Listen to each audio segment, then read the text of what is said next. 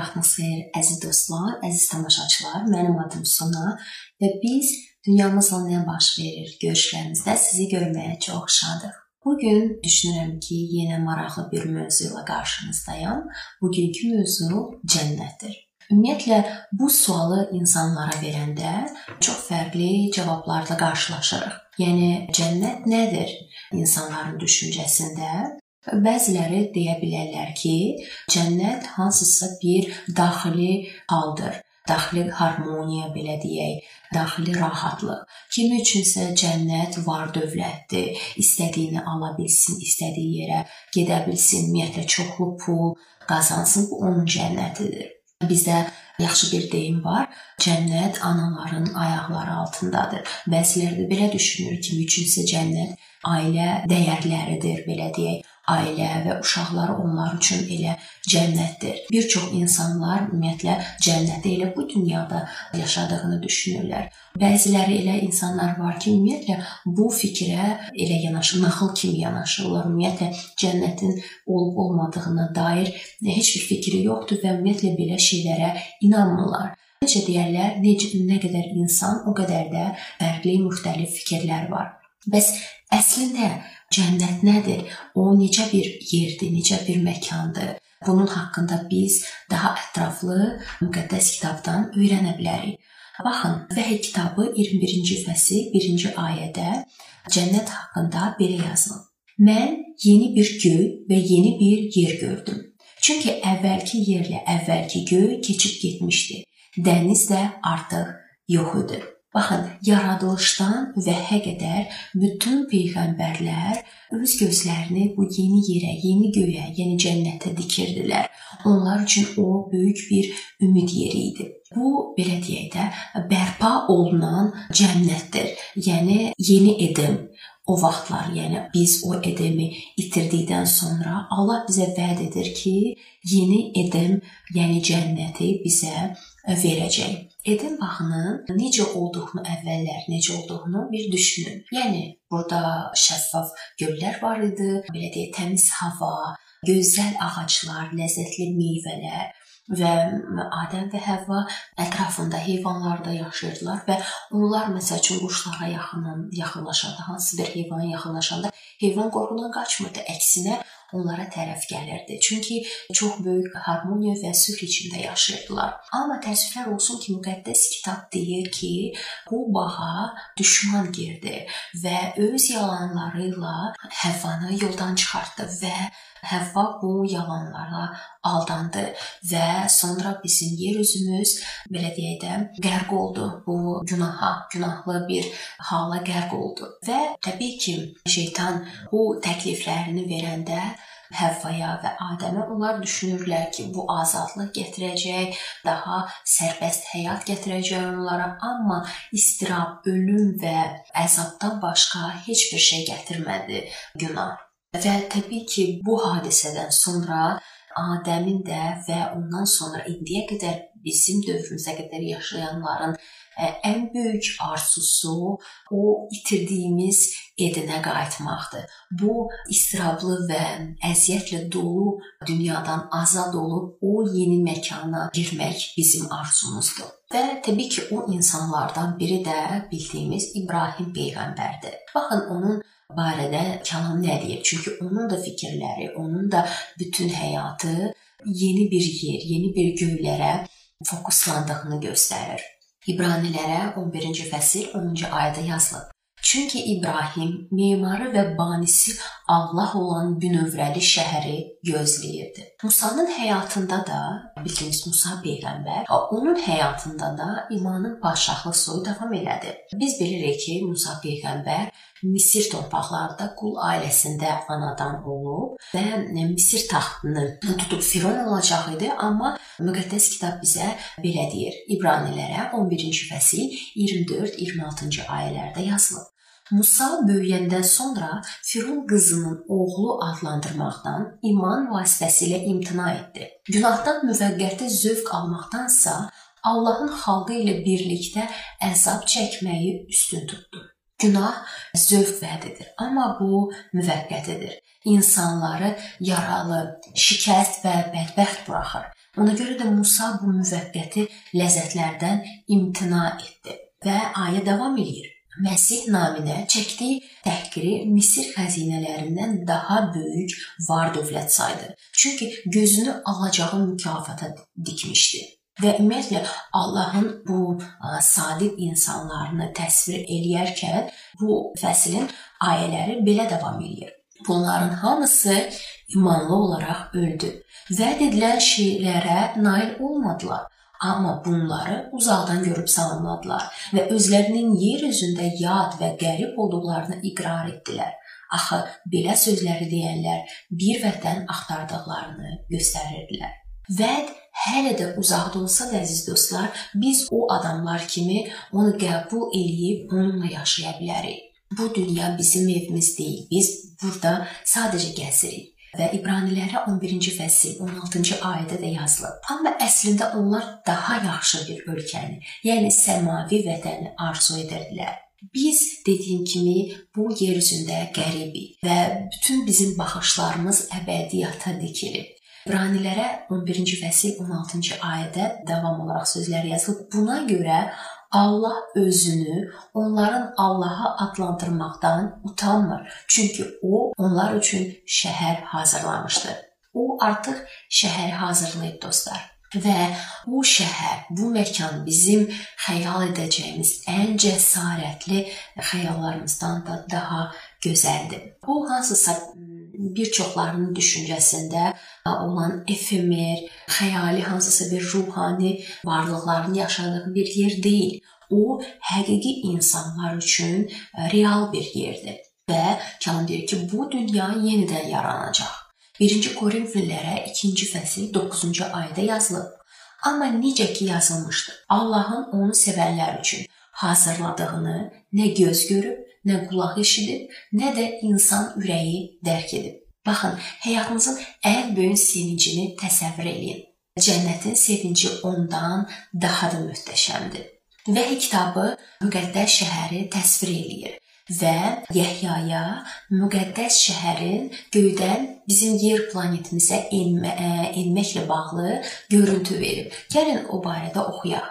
Vəhy 21-ci fəsil 2-ci ayədə yazılıb. Mən müqəddəs şəhərin, Yeni Yerusəlimin göydən Allahın yanından endiyini gördüm. Şəhər öz bəyi üçün bəzədilmiş gəlin kimi hazırlanmışdı. Baxın bu şəhər kimin tərəfindən hazırlanmışdı? Allahın tərəfindən.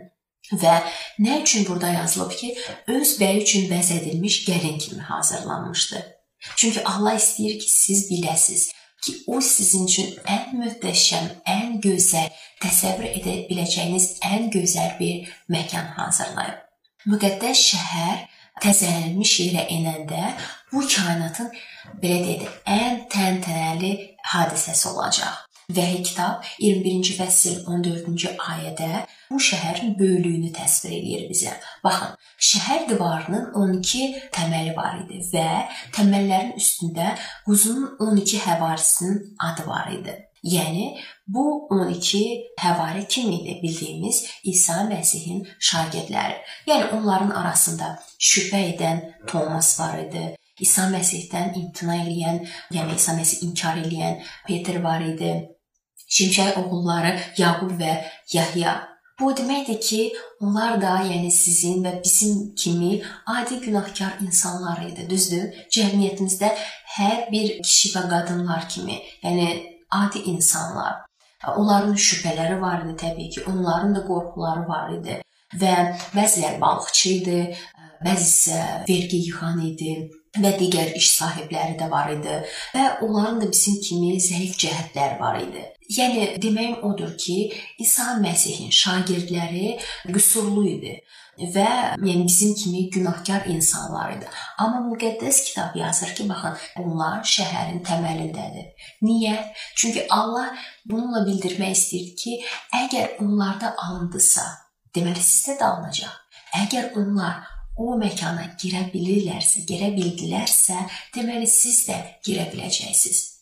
Cənnət hansısa bir ruhani nəhənglər üçün nəzərdə tutulmur əziz dostlar. Və təbii ki, müqəddəs kitab bu şəhəri təsvir etməyə davam edir. Gəlin baxaq.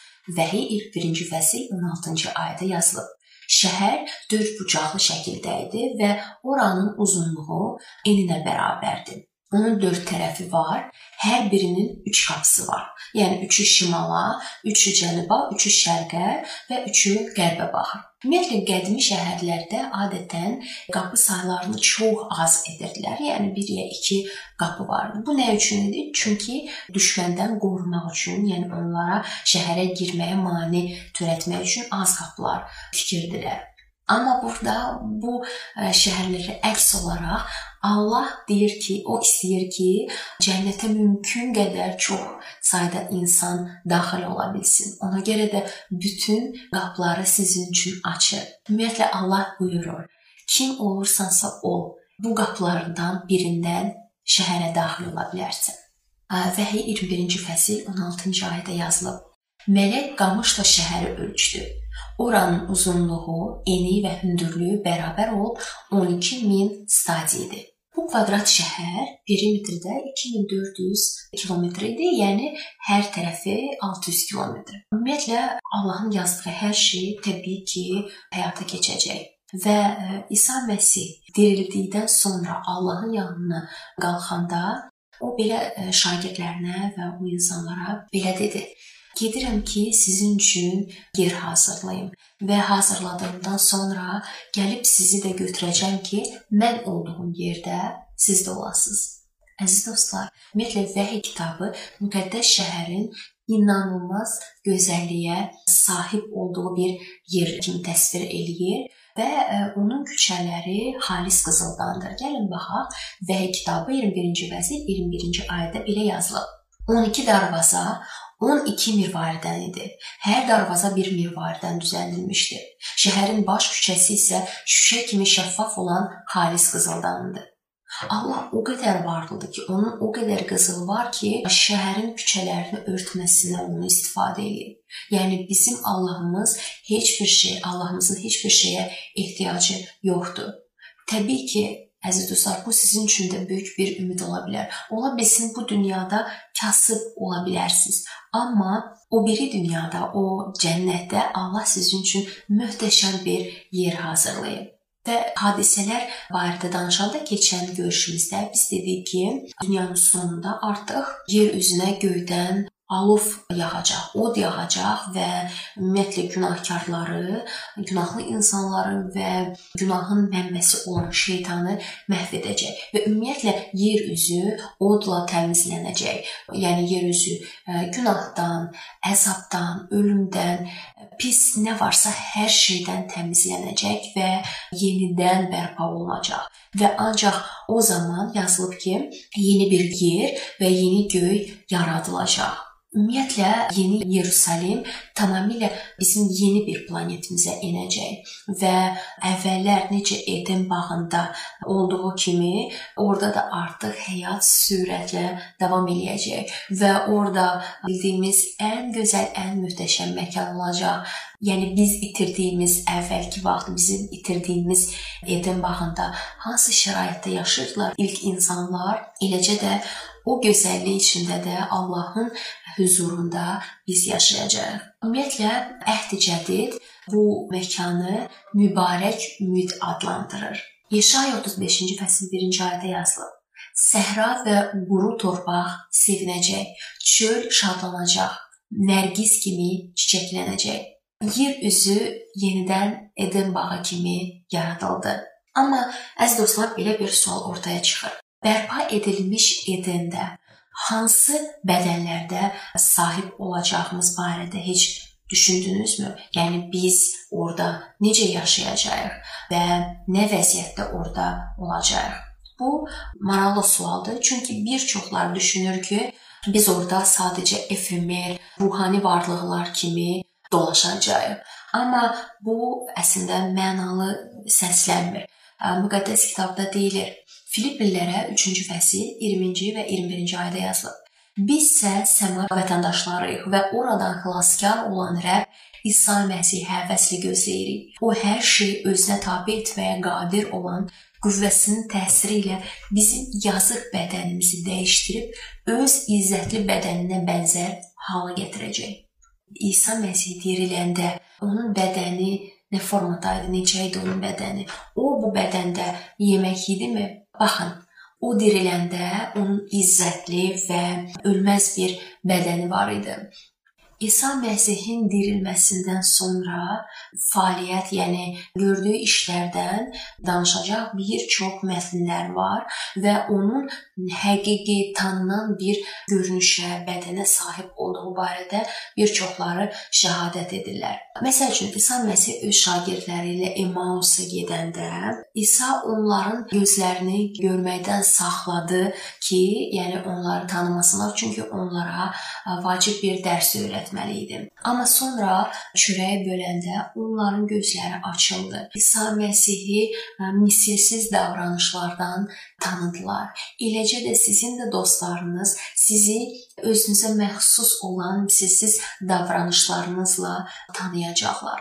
Bazar günü, yəni bildiyimiz həftənin birinci günü İsa Məsih diriləndən sonra Məryəm gəldi məzara onun yanına, belə deyək də. Amma onu orada tapmadı və dumanlı bir gün idi və o düşündü ki, bağbanla görüşür. Yəni bir adam onu ona yaxınlaşdı. Ona dumanda onu görə bilmədiyinə görə ona bağban olaraq müraciət elədi və ancaq İsa Məsih onu adı ilə Məryəm deyəndə, yəni onu belə çağıranda, o onu səsindən tanıdı. Yəni əziz dostlar, cənnətdə də eləcə də dostlarınız, yaxınlarınız sizi gözəl tembrlə, gözəl səsinizlə, bəlkə intonasiyadan, yəni tanıyacaqlar. Və artıq İsa Məsih yuxarı otaqdakı şagirdlərə görünəndə onlar dərhal onu tanıdılar. Yəni onun görünüşünü bilirdilər deyə ona görə onu da tanıdılar və eyni ilə dostlar sizi də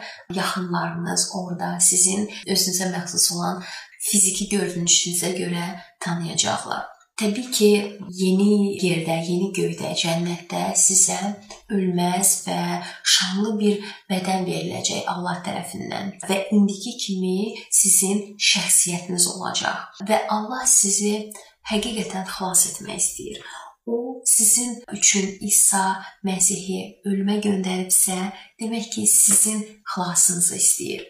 İsa Məsihin sizə qiymət verib, sizin üçün ölməsi və sonra cənnətə gedərkən sizin şəxsiyyətinizi, sizə məxsus olan hansısa xüsusiyyətlərinizi və e, özünə məxsusluğunuzu dəyişdirməyi qeyri-mümkündür, dostlar.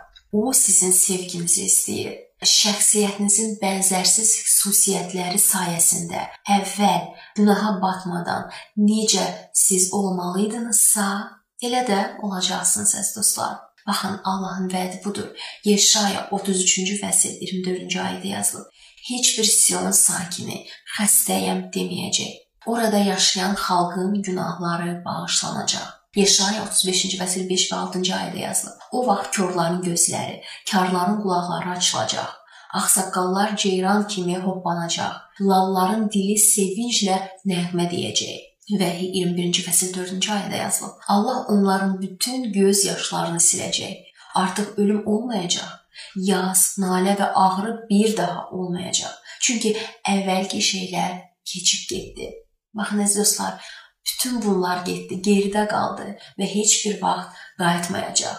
Vəhi 21-ci fəsil 22-ci fəsil 1-ci ayə yazır. Mələk mənə həyat suyu axan çay göstərdi. Bu çay güllür kimi parlaq olub Allahın və quzunun taxtından çıxır. Ümumiyyətlə baxın, həyat suyu bütün ehtiyacımızı ödəyən Allahın həyatının rəmzidir. Ümumiyyətlə bildiyiniz kimi bizim susuzluğumuzu sudan başqa heç bir şey yatırmadığı kimi bizim daxili ruhani ehtiyacımızı da Allaha olan ehtiyacımızı da Allahdan başqa heç nə aradan qaldıra bilməz. Vəhi 22-ci fəsil 2-ci ayədə davam eləyir. Çayın hər iki tayında 12 cür meyvə gətirən həyat ağacı var idi. O ağac hər ay meyvə gətirir. Onun yarpaqları millətlərə şəfa vermək üçündür. Əziz dostlar, bu dünyada yaşadığınız hadisələr və sizə dəyən yaralar, sizin qəlbinizdəki yaraları Allah cənnətdə təmizləyəcək və biz kədərli xəyal qırıqlıqlarımızı, bütün ən pis anlarımızı yavaş-yavaş unudacağıq Allah bizim üçün bütün bu fikirlərimizi, keçmişdən qalan əziyyətli anlarımızı siləcək. Allahın tərəfindən seviləcək. Daima onun qayğısı altında olacağıq. Allah təbii ki də bizim bütün ehtiyaclarımızı təmin edəcək. Yeşaya 40-cı fəsil 31-ci ayədə yazılıb. Rəbbə ümid bağlayanlarsa yeni qüvvət alarlar. Qanad açıb qartal kimi ə, yüksəklərə uçar. Qaçanda taqətdən düşməzlər, yol gedib yorulmazlar. Və təbii ki, bu enerji bizim bədənimizdən axacaq. Və Yeşaya peyğəmbər baxın həyatı ümumiyyətlə bu məkanda həyatı necə təsvir eləyir? Gəlin ona baxaq. Yeşaya 11-ci fəsil 9-cu ayə. Müqəddəs bağımın heç bir yerində heç kimə zərər dəyməyəcək. Heç bir kəs o birisini məhv etməyəcək. Çünki sular dənizi bürüdüyü kimi dünya Rəbbin biliyi ilə dolacaq. Baxın, zorakılıq bitdi, müharibə bitdi, münaqişələr bitdi artıq orada və artıq millətlər arasında heç bir düşmənlik yoxdur. Onlar bir-birinə zərər vermirlər. Cənnət həqiqi bir yerdir və orada həqiqi bir fəaliyyət olacaq.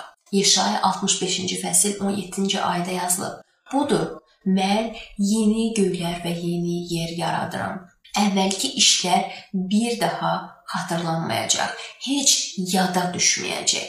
Həqiqətən dostlarım, nə gözəl ki, bu həyatda yaşadığımız bütün çətinlikləri dediyim kimi Allah siləcək. Bir növ belə deyək də amneziya edəcək Allah bizi. Pisliklərdən, kədərdən, ağrıdan, acıdan biz amneziya alacağıq və orada Yəni biz heç bir pis anlarımızı artıq xatırlamayacaq və buna görə də artıq ondan sonra ancaq sevincli və xoşbəxt anlarımıza fokuslana biləcəyik. Yeşaya 65-ci fəsil 21 və 22-ci ayədə yazılır. Onlar evlər tikib orada məskunlaşacaq.